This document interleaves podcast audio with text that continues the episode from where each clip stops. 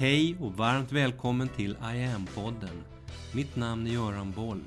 Här kommer jag varje vecka att presentera, utveckla tankar kring och polera på en ny facett av denna märkliga, mäktiga ädelsten vi kallar yoga.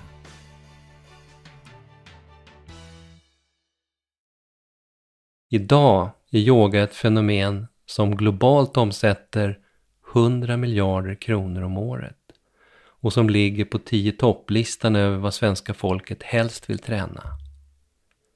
Men hur såg det ut för länge sedan? Hur började det?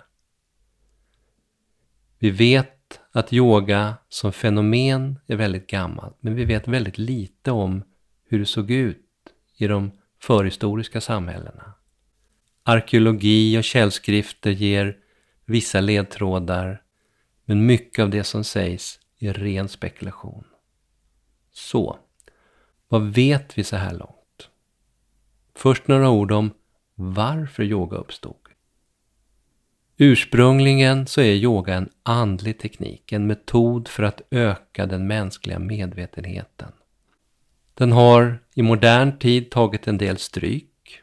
Den har urvattnats, reducerats till lite lättsmält gympa. Den ursprungliga, djupt andliga essensen av yoga har delvis tappats bort, packats om för att passa i nya, lite lättsmältare sammanhang. Yogan själv har alltid definierat sig som en vetenskap. En praktisk, metodisk, systematisk disciplin för att hjälpa oss att komma underfund med vår egen djupaste sanna natur. Målsättningen har aldrig varit att bli en del av till exempel någon religiös process. Men samtidigt så bär ju alla vägar till Rom och yoga kan naturligtvis lika gärna utövas av religiösa fundamentalister som av ateister. Yogan säger att vi existerar bortom kroppen, bortom sinnet och tankarna. Att vi är integrerade delar i en större helhet. Ordet yoga vars sanskrit har roten i jöj, som betyder att länka eller att oka samman, handlar om att vi med yogans hjälp förenar oss med det högsta inom oss själva, den rena medvetenheten. Så länge vi fortsätter att identifiera oss med begränsningar, med rädslor och upplevelser av separation, så har vi gjort just det, separerat oss från helheten, säger yogan. Den moderna världen betonar ofta yttre källor till lycka och framgång. Samtidigt så frågar sig allt fler idag, är det här allt? Var det inte mer än så här? Varför upplever jag i så fall ingen frid i mig själv? Och där går vi tillbaka till historien. Spår av yoga har hittats runt om i världen. I Centralamerika till exempel finns statyer som visar individer i olika yogaställningar. Den gamla keltiska kulturen i Europa har lämnat efter sig bilder där druider återges sittande i misstänkt yogaliknande positioner. I gamla Egypten så byggde faraoernas mångtusenåriga styre bland annat på det vi idag kan se var en djup grundläggande kännedom om prana och kundalini.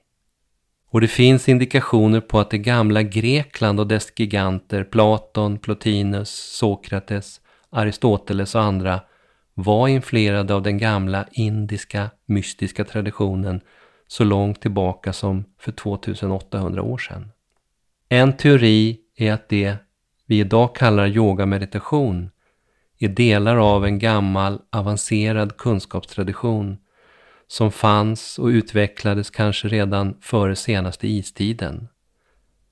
Runt om i världen finner vi idag motsägelsefulla, fragmentariska spår efter olika kulturer, inkluderande översvämningslegender och andra spår som många gånger förbryllar forskarna, som ignoreras då de inte bekräftar den gängse bilden av hur olika kulturer har utvecklats genom årtusendena.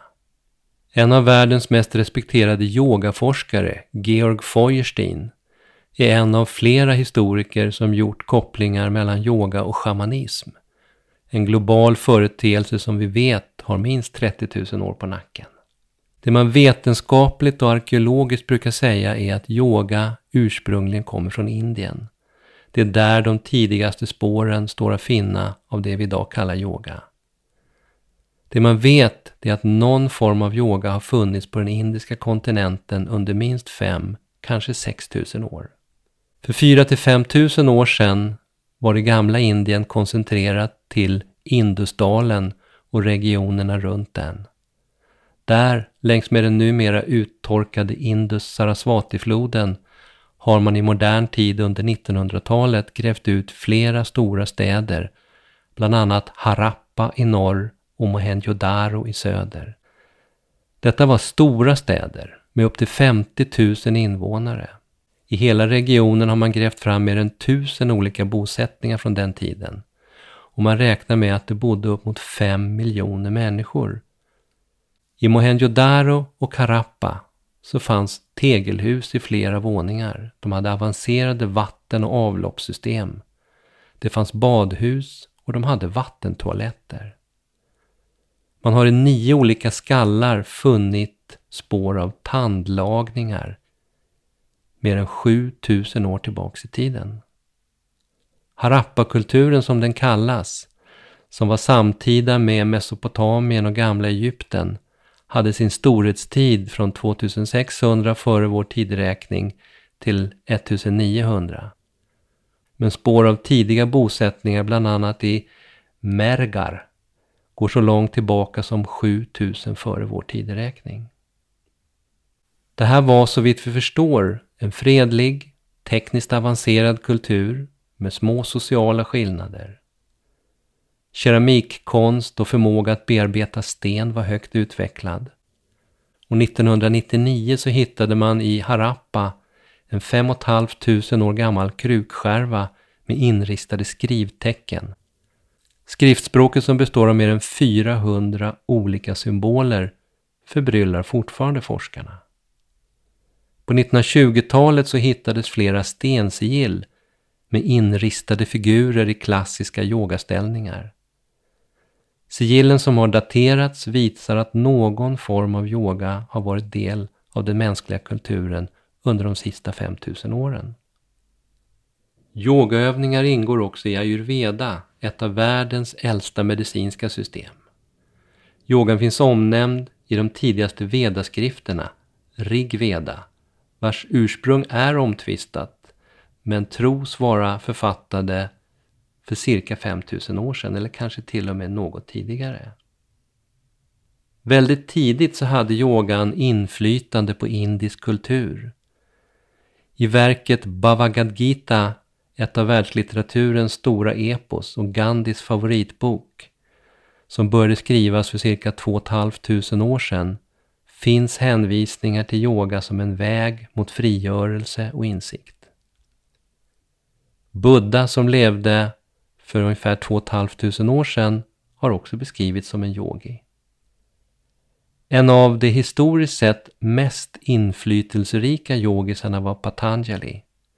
Han kom efter Buddha och Bhagavad Gita och tros ha levt ungefär vid vår tideräknings början. Men i övrigt vet man i princip ingenting om honom idag.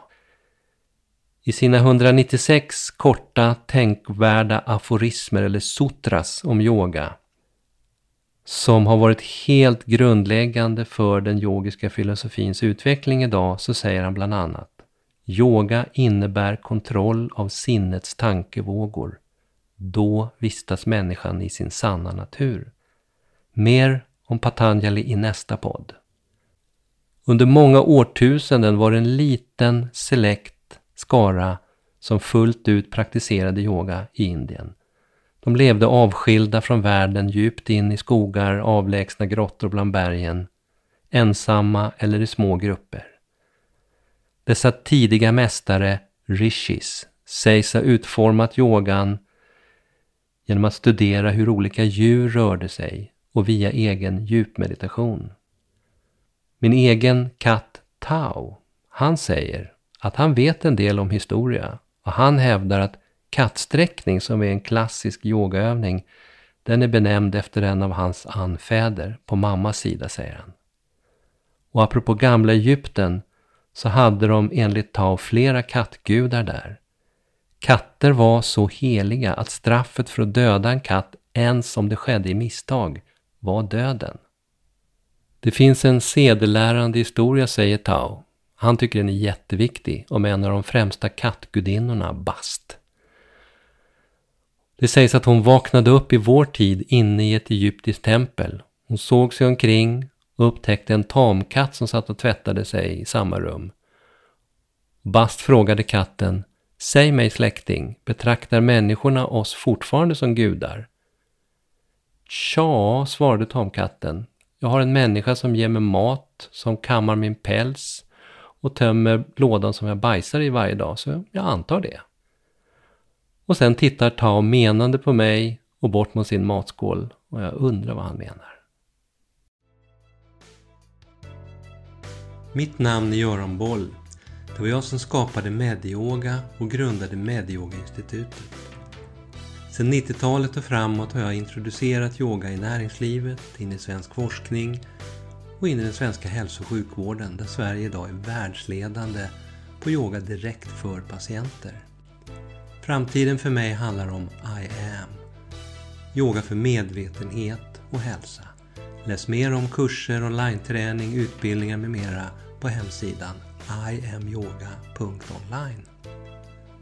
Följ oss gärna på sociala medier och tycker du om de här poddarna så tar jag tacksamt emot om du vill gå in på iTunes, Spotify och där poddar finns och ge mig ett betyg så vi blir fler som hittar in i yogans värld. Tack för att du lyssnar och delar.